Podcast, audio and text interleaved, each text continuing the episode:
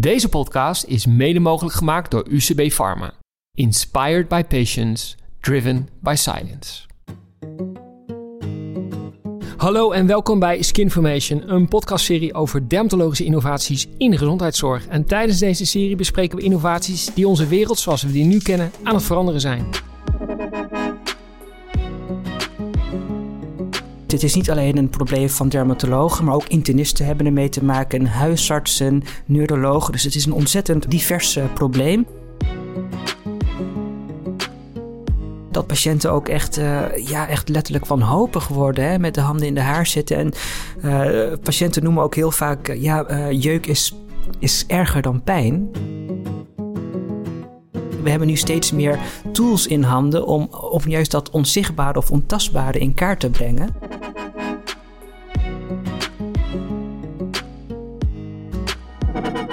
Mijn naam is Bob Krijn, ik ben zorginnovator en presentator. En ik ben hier vandaag weer met trendwasher en futurist Tony Bosma. Leuk Tony om hier weer samen te zijn. Ja, het is fantastisch weer. Uh, en uh, ik, ik heb al heel veel geleerd uh, met deze podcast ook. Ik ben natuurlijk geen medische achtergrond, maar elke, elke podcast leer ik weer meer bij. Wat is het belangrijkste wat je recent geleerd hebt, Tony? Nou, ik vind ten eerste al is mijn beeld voor rondom artsen ook al heel erg weer aan het veranderen. We zijn het eigenlijk, nou ja, dermatologen ook hele fijne, toegankelijke mensen die ook wel echt een, een, een, een blik op, op, op, op het, ja, meer de mensen als, als geheel ook, ook hebben. En dat vind ik ook wel fijn. In een brede kijken dan alleen een aandoening. En dat vind ik wel, wel mooi om te zien. Nou, dat is een mooi bruggetje naar onze gast van vandaag. Want onze gast van vandaag is niemand minder dan Deepak Balak. En jij bent uh, dermatoloog. Dermatoloog in het Lange Land uh, Huidkliniek in Zoetermeer. En jij bent ook iemand volgens mij altijd goed lacht. Zoals ik je altijd al aankondig. Je lacht altijd heel fijn en, en veel vind ik. Maar volgens mij ook echt patiëntgericht. Welkom. Dankjewel Bob. Hartstikke leuk om hier te zijn vandaag. Ja, leuk om jou te hebben. En voordat we dieper op de materie ingaan vandaag, Diepak, het onderwerp is chronische jeuk. We gaan het hebben over een aantal innovaties die wellicht verlichting kunnen geven bij het diagnosticeren en behandelen en het monitoren van de jeuk. Leuk om wat informatie voor ons hier aan tafel, voor Tony en mij, maar ook voor de luisteraar thuis. Wie is Diepak Balak? Waar komt hij vandaan? En wat doet hij zoal naast het vak dermatologie? Ja, dankjewel Bob. Uh, ja, Deepak Balak, uh, zoals gezegd, uh, 35 jaar, woon in Oesgeest. Um, heb naast de dermatologie als passie uiteraard ook ontzettend interesse in uh, koken. Kook graag, en met name de Aziatische keuken. Uh, en dat komt omdat uh, mijn roots is Surinaams Hindoestaans. En ik vind het leuk om ja, eigenlijk een stukje cultuur van, van, ja, van, vanuit die keuken eigenlijk mee te proeven. En ik vind het ook heel erg leuk om Aziatische kunst en cultuur. Vind ik heel erg interessant. Dus eigenlijk een stukje back to the roots, om maar het zo maar te noemen. Koken voor anderen ook vooral? Ja, zeker. Okay. Absoluut. Ik, je uitnodiging. Ja, ja, dat dacht ik al. Nee, zeker. Ik, ja, curry's en rotis en daals. En uh, er is ook een stukje creativiteit. Hè? Dus je hebt een recept en dan ga je een beetje, toch een beetje fine-tunen. En uh, ja, hartstikke leuk. En Surinaamse goed? Ga je er regelmatig naartoe? Uh, ja, zeker voor de COVID. Um, laat zeggen één keer in de twee, drie jaar. Ontzettend leuk land, tropisch, maar Nederlandse taal, dus heel erg gemakkelijk. Het is ook een ideaal stageland. we hebben heel veel co-studenten doen een aantal van hun kooschappen daar. En, en ja, de mensen zijn daar gezellig. Het eten is lekker. Ik kan daarop zeggen ja, want ik ben er twee keer geweest. Ja. En ik heb daar de tijd van mijn leven gehad. Ja. Ik ben een paar Paramaribo geweest twee keer. En ook twee keer het achterland in, binnen ah, geweest. Dat was echt fantastisch. Ja, dus, fantastisch. Tony wel eens in Suriname geweest? Uh, nee, en ik moet ook eerlijk zeggen, dat eten trek ik ook heel... Want het is vaak echt wat heter, hè? Dus ik ben met dat betreft wat Hollander, ja, denk ik. Ja, ja futuristen, echt futuristische Hollanden. Maar dat hele eten, eten dat moet echt een pot suiker naast staan. Dat trek ik vaak niet. Maar ik ben wel benieuwd naar je kookkunst. Dus uh, als dat weer mag, dan gaan we eens een keer langs. Uh, nodig mezelf uit, hè? Nou, leuk. Dus je bent uh, van uh, Hindoestaans-Surinaamse afkomst in Nederland geboren? Of in... Klopt, ja, klopt. Nederland geboren, in Leidendorp. En, uh, maar beide ouders komen uit, uit Suriname. Ja. En inmiddels nu al langer in Nederland dan dat ze destijds in Suriname woonden. Um, en ik heb twee broertjes en twee zusjes. En, en, ja, de meeste familie woont wel in Nederland, hoor, moet ik zeggen. Maar, uh, maar Suriname trekt toch wel op een gekke manier. Um, trekt me toch wel, wel een beetje. En ik vind ook bijvoorbeeld uh, dermatologie van de donkere huid daardoor ook heel erg interessant. En, um, en ik heb ook wel een, een interesse in. in hè, weet je, ik zie toch ook wel dat. Hè, dat is natuurlijk in dat Black Lives Matters en, en uh, institutionele racisme. Uh, zijn natuurlijk actuele thematiek. En zie je toch ook wel in, in de geneeskunde en ook in de dermatologie. Hè, dat bijvoorbeeld voor veel.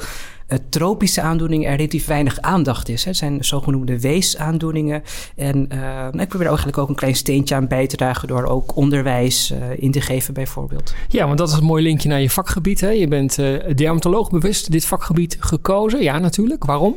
Ja, absoluut. Ja, het is, het is een ontzettend breed en veelzijdig vakgebied. echt geen dag is, is, is hetzelfde. En dan lieg ik echt niet. je ziet man, vrouw, jong, oud. er zijn meer dan 3000 huidziekten. Dus je wordt echt uh, dagelijks uh, verrast.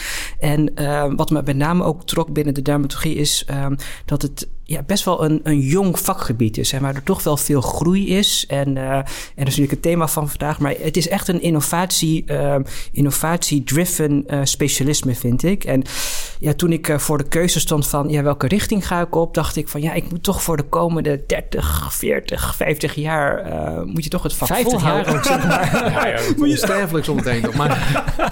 Best lang maar die pak, maar goed. Ja. ja, maar ik dacht van ja, je moet toch wel een vak gaan kiezen waar er veel uitdagingen zijn en waar er veel ja, groei en ontwikkeling in is. Ja.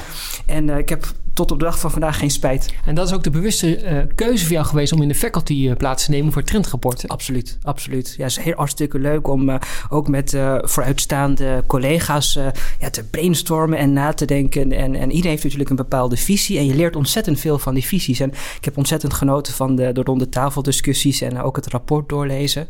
Absoluut. Jij bent daar onderdeel van geweest. We hebben jou ook mogen interviewen, Tony en ik. En daar hebben we een quote van jou opgenomen in het trendrapport. Die ga ik even voorlezen en ik graag je reactie op. Dermatologische innovaties stralen af op ons dermatologen en het imago van ons vak. Hoe is het gesteld met het imago van het vak dermatoloog? Um, ik denk als je het ja, historisch gaat kijken, hè, dan is dermatologie eigenlijk een van de kleinere vakgebieden. Zeker als je het gaat vergelijken met uh, de chirurgie en de internisten. En van oudsher waren we eigenlijk een beetje de salve- en crèmes dokters. Dus uh, weinig. Uh, ja, weinig um, sprankelende geneesmiddelen en al een beetje pappen en nat houden. En je ziet nu eigenlijk een grote shift naar ja, betere inzichten in hoe huidziekten ontstaan. En ja, dat brengt ons ook echt uh, veel nieuwe, krachtige geneesmiddelen, waarbij je echt een verschil kan maken voor bijvoorbeeld een patiënt met een uitgebreide psoriasis. Ja, die kan je nu eigenlijk met, uh, met een hele veilige therapie helemaal schoon krijgen. En uh, ja, ik denk dat juist die innovaties eigenlijk uitstralen op ons vak en dat we ook echt echt meedoen. Echt als een serieuze partner binnen het ziekenhuis, maar ook zeker buiten het ziekenhuis. Want het is natuurlijk het grootste orgaan van het lichaam. Dus ik kan me voorstellen, afwijkingen zijn heel zichtbaar. Dus je bent ook heel zichtbaar voor andere artsen, ook niet in de maatschappij. Klopt, klopt, klopt. En dat is, natuurlijk ook altijd een beetje twee, twee kanten. Hè? Want een huidaandoening is vaak zichtbaar en daardoor ook heel vaak stigmatiserend. Maar je ziet ook heel erg duidelijk het effect van je, van je behandelingen. En om het iets breder te trekken, ik denk dat um, huidziekten ook een hele goede model zijn voor andere afweerziekten. Hè? Bijvoorbeeld voor reumatoïde artritis of bepaalde darmziekten. Uh, ja, die moet je vaak heel lastig biopteren en is niet goed in kaart te brengen of een medicijn goed aanslaat. Terwijl je dat bij de huid juist wel goed ziet. Dus de lessen die we leren van, van dermatologische trials, die zijn ook heel goed toepasbaar op andere vakgebieden. Dus ik denk dat we ook als dermatologen ook een stukje daarin ook wat uh, ja, moeten uitbreiden. En, en ook in die zin daar een soort van voortrekkersrol in te nemen. In ook bijvoorbeeld de ontwikkeling van nieuwe immunologische geneesmiddelen bijvoorbeeld. Maar het verbaast mij wel een beetje dat je zegt het is een jong vakgebied. Want eh, juist de huid zou je zeggen, daar, daar wordt al zoveel onderzoek naar gedaan, zo zichtbaar. Hoe kan dat dan dat het een jong vakgebied is? Eh, dat komt omdat eigenlijk van traditioneel eigenlijk eh, de huidziekten eigenlijk bijvoorbeeld bij de internisten waren of bij de chirurgijnen. Hè? Um, ons vakgebied, grappig genoeg, komt ook uit een beetje uit de SOA-wereld. Want we zijn dermatoloog en venereoloog. Omdat veel SOA's vroeger in, in de pre-antibiotica-tijdperk heel veel huidaandoeningen gaven en heel veel ulceraties en, nare, nare ziektebeelden. En daar is eigenlijk toen echt de dermatologie als ja, uh, als individuele uh, specialisme eigenlijk ontstaan. Uh, dus eigenlijk is dat nog relatief jong, om het zo maar te noemen. In, in natuurlijk de grote tijdperk geschiedenis van de geneeskunst. En heeft nou die, die, die hele ontwikkeling naar die hele maakbare samenleving, maak me mooi, uh, heeft, heeft dat effect op, uh, op de, de, dermatologie? Ja, absoluut. Ja, je ziet dat cosmetische dermatologie, um, hoewel het niet per se mijn ding is, maar wel een, ja, heel groot is natuurlijk en booming. En daar is natuurlijk hele grote vraag naar. Roept mij natuurlijk altijd ook een beetje ethische aspecten of van, hè, van hoe maakbaar is het lichaam en moet je, moet je altijd meegaan met de patiënt of in dit geval de cliënt. Ehm, ja, daar heb ik wel een beetje vraagtekens bij. Maar dat het zeker ehm, ehm, ja, de vakheid wat meer body geeft en grootheid en belangrijkheid is denk ik wel uh, absoluut ik hoor Zelfs, ik hoor zelfs dat, dat, dat, dat er vragen zijn bij artsen van geef mij mijn ideale selfie gezicht. Dat is bizar. Ja, ja, ja. Dat is bizar. Nou, we gaan het dan niet over een ethisch eh, dilemma hebben, maar veel meer over een probleem wat bij veel mensen speelt. En dat is onder andere chronische jeuk. En je hebt recent een eh, webinar, heb je een, een voordracht gehouden. En jouw praatje heette Starting from Scratch. Niet toevallig ben je ook een van de initiatiefnemers van de nieuwe richtlijn jeuk of jeukrichtlijn. Die praktische handvatten voor benadering en management van chronische jeuk moet gaan geven. Hoe staat het met de richtlijn? Hoe ver zijn jullie? We zijn, uh, we zijn goed op weg met de, de richtlijn. Het is een ontzettend leuke club. Uh, heel multidisciplinair. Dus vanuit de eerste lijn, maar ook vanuit de apothekerswereld, vanuit de geriatrie zijn er collega's betrokken. Dus het is een heel sterke ehm, samenstelling, vind ik. Geeft het ook meteen aan dat jeuk een breed gedragen probleem is of gezien probleem? Ja, absoluut, absoluut. Het is niet alleen een probleem van dermatologen, maar ook internisten hebben ermee te maken, huisartsen, neurologen. Dus het is een ontzettend divers probleem die zich bij verschillende disciplines kan uh, presenteren. En daarom is het denk ik ook heel krachtig dat uh, de richtlijn ook uh, ja, in die zin breed gedragen wordt en ontwikkeld vanuit verschillende kampen. En wanneer is jullie stip op de horizon dat die klaar moet zijn? We hopen eind van dit jaar een heel eind te komen. We zijn nu eigenlijk druk bezig met het doorspitten van de literatuur en, en de aanbevelingen um, noteren. En ja, zo'n richtlijn is natuurlijk altijd wikken en wegen en veel discussies. Ehm, tegenwoordig met name via e-mail en digitaal. Uh, niet live eh, face-to-face, jammer genoeg. Uh, dus dat maakt het wel een beetje lastiger. maar desalniettemin denk ik dat we eind van dit jaar wel een heel eind gaan komen. En ik hoop ook dat het een grote verbetering gaat opleveren. Hè? Dat er toch ook een stukje kwaliteitsverhogend zal zijn, zo'n richtlijn. Hè? Met echt praktische handvaten waar echt de klinicus ook echt daadwerkelijk iets aan heeft. Daar hoop ik voor. En heel praktisch, wanneer hebben we het over chronische jeuk en wanneer over gewone jeuk? Um, jeuk uh, wordt gedefinieerd als een sensatie die krapgedrag uitlokt. Um, en chronische jeuk, daar spreken we van als het langer dan zes weken duurt. Um, en dat is dan verschillend met acute jeuk, die korter dan zes weken duurt. En dat onderscheid is gemaakt omdat ja, de oorzaken van acute jeuk anders zijn dan die van chronische jeuk. Dus daarom is het ook relevant om die aandeling ook in de praktijk uh, vast te houden. En als ik het goed begrepen heb, die oorzaken van chronische jeuk zijn ook wel, kunnen ook wel serieuzer zijn. Absoluut, hè? dus daar zijn we ook altijd uh, bang voor. Hè? Bijvoorbeeld een maligniteit, hoewel het gelukkig een, een, zeldzame oorzaak is. Maar bijvoorbeeld ook nierproblemen. Hè? Patiënten die uh, gedialyseerd worden of die een ernstige nierprobleem uh, hebben. mensen met leveraandoeningen. En zo zijn er heel, eigenlijk hele diverse oorzaken. Je kan bijvoorbeeld ook denken aan neurologische aandoeningen, zoals bijvoorbeeld multiple sclerose kan jeuk geven. Of mensen die een CVA, een beroerte gehad hebben, die kunnen dan als ja, complicatie ook toch nare jeukklachten ontwikkelen. Psychiatrische oorzaken, uh, altijd een hele lastige.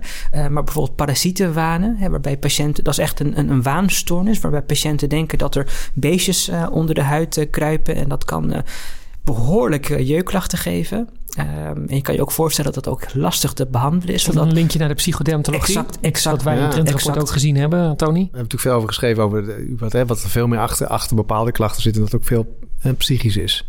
Dat zie je dus bij jeuk ook heel veel gebeuren. Ja, klopt. En zeker bij die chronische jeuk, hè, dan kan je ook heel goed voorstellen als het een tijdje aanhoudt, hè, dat patiënten ook echt, uh, ja, echt letterlijk wanhopig worden, hè, met de handen in de haar zitten. En uh, patiënten noemen ook heel vaak, uh, ja, jeuk is is erger dan pijn. En dat zie je ook wel bij een, een deel van de patiënten. Um, dus we, we, proberen ook daar zeker ook de samenwerking met de psychologen en de psychiaters. En, uh, maar is jeuk ook niet een beetje een onderbelicht want ik, wij hebben natuurlijk voor het onderzoek ook veel, veel ook eh, zitten zoeken naar wetenschap en zo. En we dachten, ja, we komen, dat, we komen veel tegen, maar gebeurt er wel voldoende in? Is het nog een beetje onderschat zelfs of onderbelicht? Dat viel me echt op. Nee, klopt, absoluut. Dat heeft te maken dat, uh, dat lange tijd jeuk uh, absoluut geen sexy uh, topic was. Hè? Dus dat was eigenlijk absoluut onderbelicht. En dat had te maken dat we ja, geen genoeg voldoende interventies hadden. We wisten niet waar we over hadden. We konden dat niet goed in kaart brengen. En je ziet nu met ja, de ontwikkelingen op het gebied van imaging, op het gebied van de neurowetenschappen, dat we steeds meer ja, die signaaltransductie van jeuk begrijpen dat mondt uit in betere inzichten in, in, in um, aantrekkelijke behandeltargets. en dat leidt weer tot betere behandeluitkomsten. Dus je ziet nu dat, dat we eigenlijk op een golf zitten op, het, op het gebied van jeuk in de zin van Ehm, eh, ja, de mechanismes daarachter. En dat vertaalt zich ook uit in, in, in een bredere aandacht. Uh, niet alleen binnen de dermatologie, maar ook bijvoorbeeld binnen de neurologie. Maar wordt er ook maatschappelijk niet anders gekeken? De, jeuk, als ik af en toe denk, als ik vroeger zei, ja, ik heb last van jeuk, ja, dan ging je niet mee naar een arts toe. Eh, of het moet wat langer duren. Maar vaak wordt daar een beetje, nou lacherig niet. Maar is dat, is dat nog steeds of is dat echt aan het veranderen? Ik, ik denk dat het uh, aan het kenteren is inderdaad. Want kijk, jeuk is, is, is niet zo echt tastbaar. Hè? Zeker als je praat over jeuk zonder huidafwijkingen. En dan misschien wat er vroeger uh, sneller werd gezegd, het zit tussen de oren. Hè? Dat zou zeker kunnen. Maar ik denk als, als er iets is wat, we, wat, we, wat we nu meer weten, is dat ja, lichaam en geest, dat is eigenlijk één. Hè? En, en we, hebben, we hebben nu steeds meer tools in om, juist dat onzichtbare of ontastbare in kaart te brengen. En uh, ja, dat zal zeker uh, ook voor jeuk gaan gelden. En stel zo'n patiënt komt met jeukklachten, wordt doorverwezen door zijn huisarts, komt bij jou. Wat, wat voor diagnostische tools en mogelijkheden heb jij? Nou, in principe is dat in eerste instantie een hele gedegen uh, en lichamelijk onderzoek. Uh, dus daar moet je echt wel um, ja, heel, um, secuur en voldoende tijd en aandacht uh, aan, aanbrengen. Omdat dat ontzettend belangrijk is voor het vervolgtraject. In de zin van welke aanvullend onderzoek je gaat inzetten. En in de richtlijn gaan we ook in, in principe een vrij beperkt screenend lab onderzoek aanbevelen. Bijvoorbeeld gaat kijken naar hoe is de nierfunctie, hoe zijn de suikers, hoe is het met de schil schildklier. Uh, maar dat je eigenlijk op basis van jouw anamnese en lichamelijk onderzoek eigenlijk een voor die patiënt uh, geschikte uh, diagnostische route gaat uitstippelen. En dat wil zeggen niet alles aankruisen op een labformulier, maar heel rationeel, heel gericht gaan kijken. En hoe zijn die resultaten? Um, ja, dat is wel wisselend, moet ik, moet ik zeggen. Als je niet voldoende weet van wat je precies moet vragen of waar je op moet letten, dat je al heel snel uh, overdiagnostiek gaat doen. En dat willen proberen te voorkomen. Ik kan me het voorstellen als een patiënt voor je zit die heel veel jeuk heeft, dat je het liefst alles op het papiertje aankruist. Maar jij zegt eigenlijk gewoon veel beter en langer lichamelijk onderzoek doen. En op basis daarvan keuzes maken. Wat ga ik die proberen te diagnosticeren of te bewijzen? Exact, exact. Dus eigenlijk een beetje terug naar, naar, naar uh, een beetje ook naar onze roots hè, in de zin van, van de geneeskunde. Hè. Dus echt echt goed gedegen uh, onderzoek. Dat is ontzettend belangrijk. En uh, vaak zie je inderdaad een tendens van uh, bij een moeilijke klacht, oh, en dan gaan we alles uit de kast halen. Natuurlijk ook omdat patiënten vaak ook een beetje nu tegenwoordig mondiger zijn hè, en, en veel dingen eisen en veel dingen hebben gelezen en dergelijke.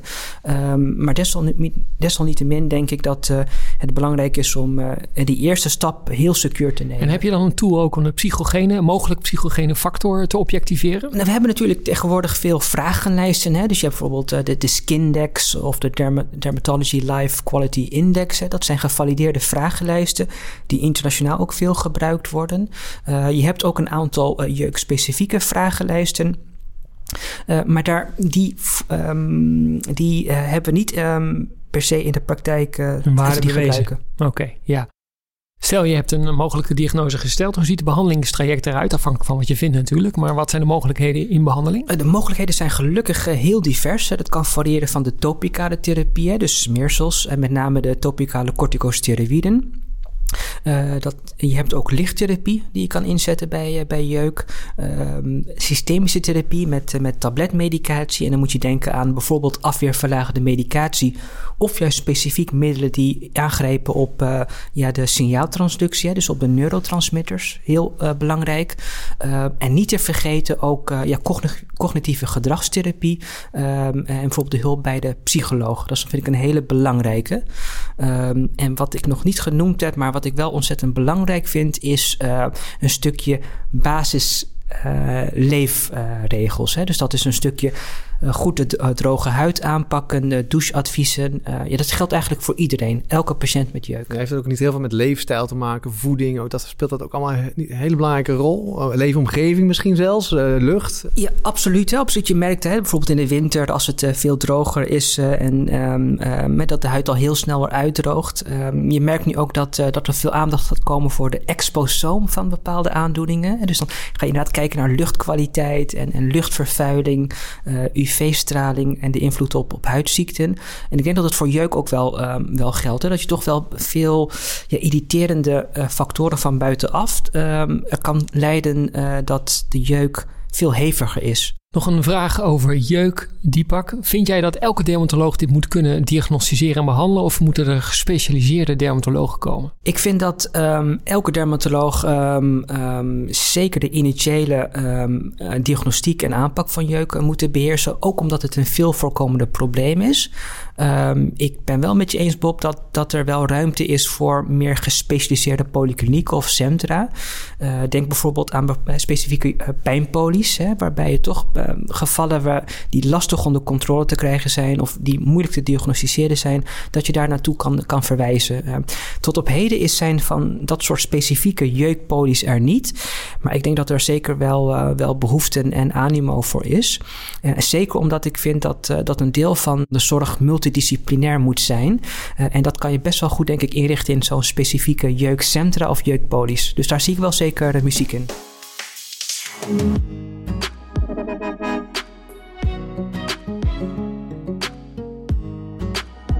Vandaag praten we met Deepak Balak over de toekomst van de dermatologie en zijn we meer ingezoomd op chronische jeuk. De nieuwe richtlijnen die eraan zitten komen. Wat is jeuk? Hoe ontstaat het? En wat zijn de mogelijke diagnosticering en behandelingsmogelijkheden? In dit blok gaan we praten over innovaties. Deepak, zijn er innovaties op het dermatologisch gebied waarvan je zegt van ja, die zou ik binnenkort wel willen gaan inzetten? Die zijn nuttig. Nou, een van de leuke dingen die ik ben tegengekomen uh, heet de Itch Detector. Is een mooie naam, vind ik. Um, en dat is een, een wearable. Dus dat, uh, dat, is iets wat patiënten kunnen dragen en eigenlijk de jeuk um, uh, detecteert en uh, rapporteert. En hiermee kun je dus eigenlijk heel mooi inzichtelijk krijgen um, wanneer iemand jeukt, hoe iemand krabt, hè, de intensiteit. en dat kan je dus heel erg mooi meten en inzichtelijk maken. Niet alleen voor jou als behandelaar, maar ook voor de patiënt. En wat ik het leuke vind aan deze itch detector, is dat je daarmee ook je bepaalde ja, trends of, of, of uh, bepaalde relaties kan trekken. Met bijvoorbeeld moment van de dag, waar iemand is geweest, uh, met wie iemand in aanraking is geweest. Ja, hè? Er zijn ook wel mensen in mijn leven uh, die jeuk van mij krijgen. Dus wie weet werkt dat ook wel met die... Toch over hebt. nee, maar dat is toch ontzettend gaaf, dit, hè? dit, heeft natuurlijk alles te maken met dat we, dat we, dat we natuurlijk apparaten gaan gebruiken. Van, van wearables uiteindelijk naar embeddables, de, zeggen ze in ieder geval. En de hele dataficering van van, uh, van ons leven zie je daarin gebeuren. Wat natuurlijk hele waardevolle informatie is. En zeker voor de, voor de, voor de kliniek, hè, voor de polykliniek, omdat jeuk is uh, niet zichtbaar. Hè? Dus je moet, uh, uh, en sommige patiënten kunnen niet goed verwoorden hè, of ze jeuk hebben, of juist heel erg overdreven. En dan is zo'n objectieve meetinstrument ontzettend waardevol ik weet nog dat er ook nog een keer een wearable was. Ik denk dat vond ik ook wel interessant. Die nou op basis van jouw emotie, hoe jij op mensen reageerde, kon die, jou, kon die automatisch in jouw social media mensen ontvrienden voor jou. Kun je je voorstellen? ja, dit was er dus. Ja, ja. Mensen verzinnen ook van alles. Maar ja, uh, ja. Uh, dit is wel interessant. Uh, wij hebben toen voor het rapport en uh, toen we voor de, voor de webinar ook onderzoek gedaan naar wat kan er op ons, wat gebeurt er allemaal op het gebied van hè, digisuit calls en allemaal innovaties op het gebied van jeuk. Ik vond het lastig om daar hele specifieke dingen nog te vinden. Veel op pijngebied en analyse en inderdaad, maar dat vond ik nog, ik vond het echt onderbelicht. Klopt hoor, klopt. Ik denk dat het nog ook een beetje in de kinderschoenen staat, moet ik eerlijk zeggen. dat klopt hoor. En, maar ik, ik voorspel wel hè, de komende drie tot vijf jaar dat er wel steeds meer, um, steeds meer gaat komen. Ook omdat um, ja, de, de vraag er is. Hè. Wij, willen heel graag betere tools uh, als, als, als artsen um, in handen gaan krijgen. En ja, die technieken gaan zo snel. En uh, ik denk ook wel dat ja, die, die COVID-pandemie, die zorgt er ook wel voor dat dit soort innovaties versneld de intrede kunnen doen in de spreekkamer. Dus toch niet van alles mogelijk. En niet alles gaat meer zo stroperig als uh, voor de crisis. Dus dat is ook wel een gunstig uh, puntje aan de horizon. En dan bedoel je ook het, het, het, analyseren, diagnose doen op afstand, het bijhouden op afstand. Exact. Zie je daarin veel, ja. Absoluut, ja, absoluut. Jij staat er in ieder geval open voor.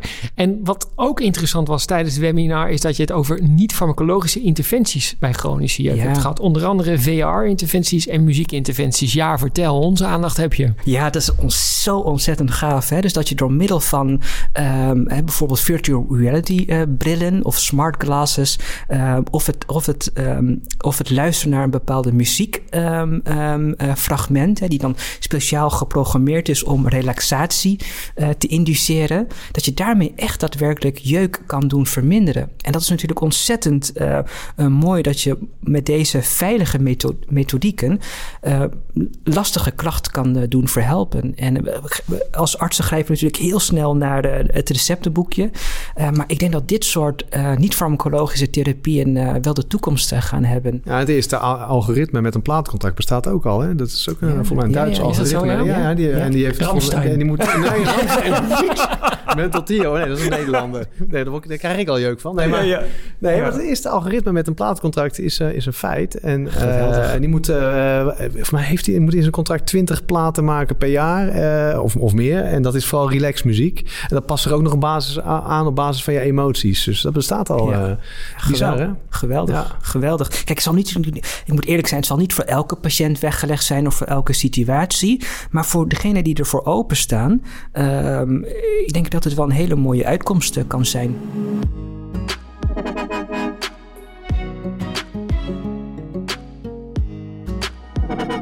We praten vandaag met Deepak Balak over de toekomst van de dermatologie. En in het derde en laatste blok hebben we een vast onderdeel, Deepak. We leggen je een aantal transities voor uit het trendrapport. Je moet er eentje kiezen en korte toelichting geven waarom je deze kiest. Hierna geeft Toning toelichting op de trend en zijn mening over bijvoorbeeld de haalbaarheid en de wenselijkheid. We beginnen met de eerste. De reactive dermatologie versus die prescriptive dermatologie. Welke kies je en waarom? Prescriptive dermatologie. Want? Uh, reactief wil, um, denk ik dat je altijd achter de feiten aanloopt. En um, je moet je denk ik ook denk ik, goed gaan investeren in preventie en voorkomen. Dus dat spreekt me, spreekt me ontzettend aan. Tony, preventie en voorkomen. Ja, en, en prescriptive gaat nog een stap verder. Uh, kijk, uh, je hebt voor prescriptive heb je nog predictive. Dat is het voor, voorkomen hè, en, en, het voorspellen. En prescriptive gaat ook nog de technologie ook nog advies geven. Dus als je deze behandeling doet, dan zijn dit de uitkomsten. Dat is prescriptive. En ik denk ook echt dat we die kant op gaan. Prescriptive ook volgens mij. Want als je dit eet, dan is de grote kans met jouw DNA ja. dat dit en dit met je gebeurt. Precies, precies. Dat is, waar we, dat is echt prescriptief. Dus dat gaat nog een stap verder dan alleen het voorspellen en, en zeggen wat er kan gebeuren. Ook als je deze, deze behandeling doet of als je dit doorzet, gebeurt er dit. De volgende, die bak. Behandeling versus leefstijl. Welke kies je en waarom? Leefstijl vind ik een ontzettend interessante, omdat dat uh, ook heel goed aansluit uh, op wat patiënten vaak in de spreekkamer vertellen. Van dokter, is er iets wat ik zelf kan doen of is dit niet een oorzaak van? Uh, dus dat sluit heel goed aan bij die patiëntenbelevenis. En we weten natuurlijk, het is eigenlijk een open deur, maar dat leefstijl ontzettend belangrijk is. Maar ook zo moeilijk om je gedrag te veranderen. En ik hoop dat we in de toekomst ook ja, betere tools in handen gaan krijgen om die leefstijl uh, aan te gaan passen. Tools om de leefstijl aan te passen, Tony. Ja, absoluut leefstijl, maar dat hoort natuurlijk inderdaad overal. Maar de, ik denk ook dat, dat we moeten denken aan businessmodellen, aan andere manieren van verzekeren. Uh, dus ik denk dat, dat, dat gaat allemaal ons leefstijl beïnvloeden. Kan je een voorbeeld noemen, uh, andere manier van verzekeren? Nou ja, dat, je, dat het invloed heeft op, op, dat heb je natuurlijk al een beetje, maar dat het nog verder gaat. Hè, dat het invloed heeft op je premies en ja. uh, op toegang tot zorg, ik noem maar wat. Hè. Dus, maar, en dat gaat ook heel veel ethische discussies uiteraard teweeg brengen. Maar dat leefstijl en dat het ook veel meer naar nudging toe gaat. Hè? Het beïnvloeden van leefstijlen van, van buitenaf, door apparaten, door, door, door omgeving, door je woonomgeving, leefomgeving. Dat is, dat is absoluut een, uh, waar we naartoe moeten ja, ontzettend fantastisch. Je ziet bijvoorbeeld ook hè, dat bepaalde zorgverzekeraars nu um, ja, goed gedrag belonen. Hè? Dus als je die 10.000 stappen per dag haalt bijvoorbeeld. Hè? Dus dat je inderdaad dat nudging ook, vind ik ook een hele belangrijke. En dus hou dat jij je... die 10.000 stappen per dag? Uh, uh, dat is pijnlijk. Hè? ik heb vanuit mijn doel, is uh, nog mogelijk, we hadden het er net over. Nou, ik, ja. nou, ik moet wel zeggen, kijk, um, met die signalering van je apps en dergelijke, je wordt eraan gehinderd. Hè? En, en, en, en dat, is, dat is wel echt wel, vind ik, een, een mooi uh, iets om, uh, om goed gedrag uh, te verbeteren. Beloning is altijd goed. Exact. Dus, ik, exact. De, de, belangrijkste zeg maar, drijfveer om gedrag te verbeteren. Ja, je, je weet dan op de, de Consumer Electronics Show, die was natuurlijk de, dit jaar zonder publiek. Elk, altijd het begin van het jaar was er weer zo'n spiegel. En zeg, op basis met alle, waar alle data van je leefstijl werd, werd er samengevoegd. En dan kreeg je gewoon, gewoon, als jij op deze niet doorgaat, zie jij er over zes maanden zo uit.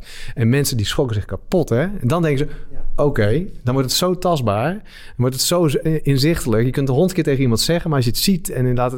Dus daar gaan we uiteindelijk denk ik echt, uh, echt naartoe. Ja, ja, absoluut. En dat is een mooi bruggetje als je het ziet. Want als je vandaag Deepak Balk hebt gehoord en je denkt... ik wil hem eens zien... ga dan eens naar www.metnet.nl slash chronische jeuk. Daar kun je de webinar terugkijken. Daar is onder andere ook je collega Bing Tio te zien. Tony is daar te zien als een stukje toekomst van zorg. En uh, ondergetekende is daar de moderator en presentator. Diepak, hartelijk dank voor je komst naar de studio. Ontzettend leuk om je weer gezien en gesproken te hebben. Graag gedaan, Bob. Ik krijg er heel veel energie van, eh, merk ik. Dankjewel. En daarmee zijn we aan het einde gekomen van deze Skinformation podcast. Hugo, bedankt voor de techniek en de editing. En luisteraars, natuurlijk bedankt voor het luisteren naar deze podcast. Wil je meer informatie? Kijk dan eens op www.medicalinnovation.academy. Dan vind je interessante trends en cases. En dan zeggen wij Tony, seen enough, neither did we.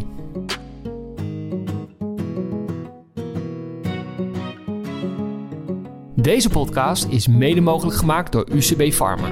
Inspired by patients, driven by science.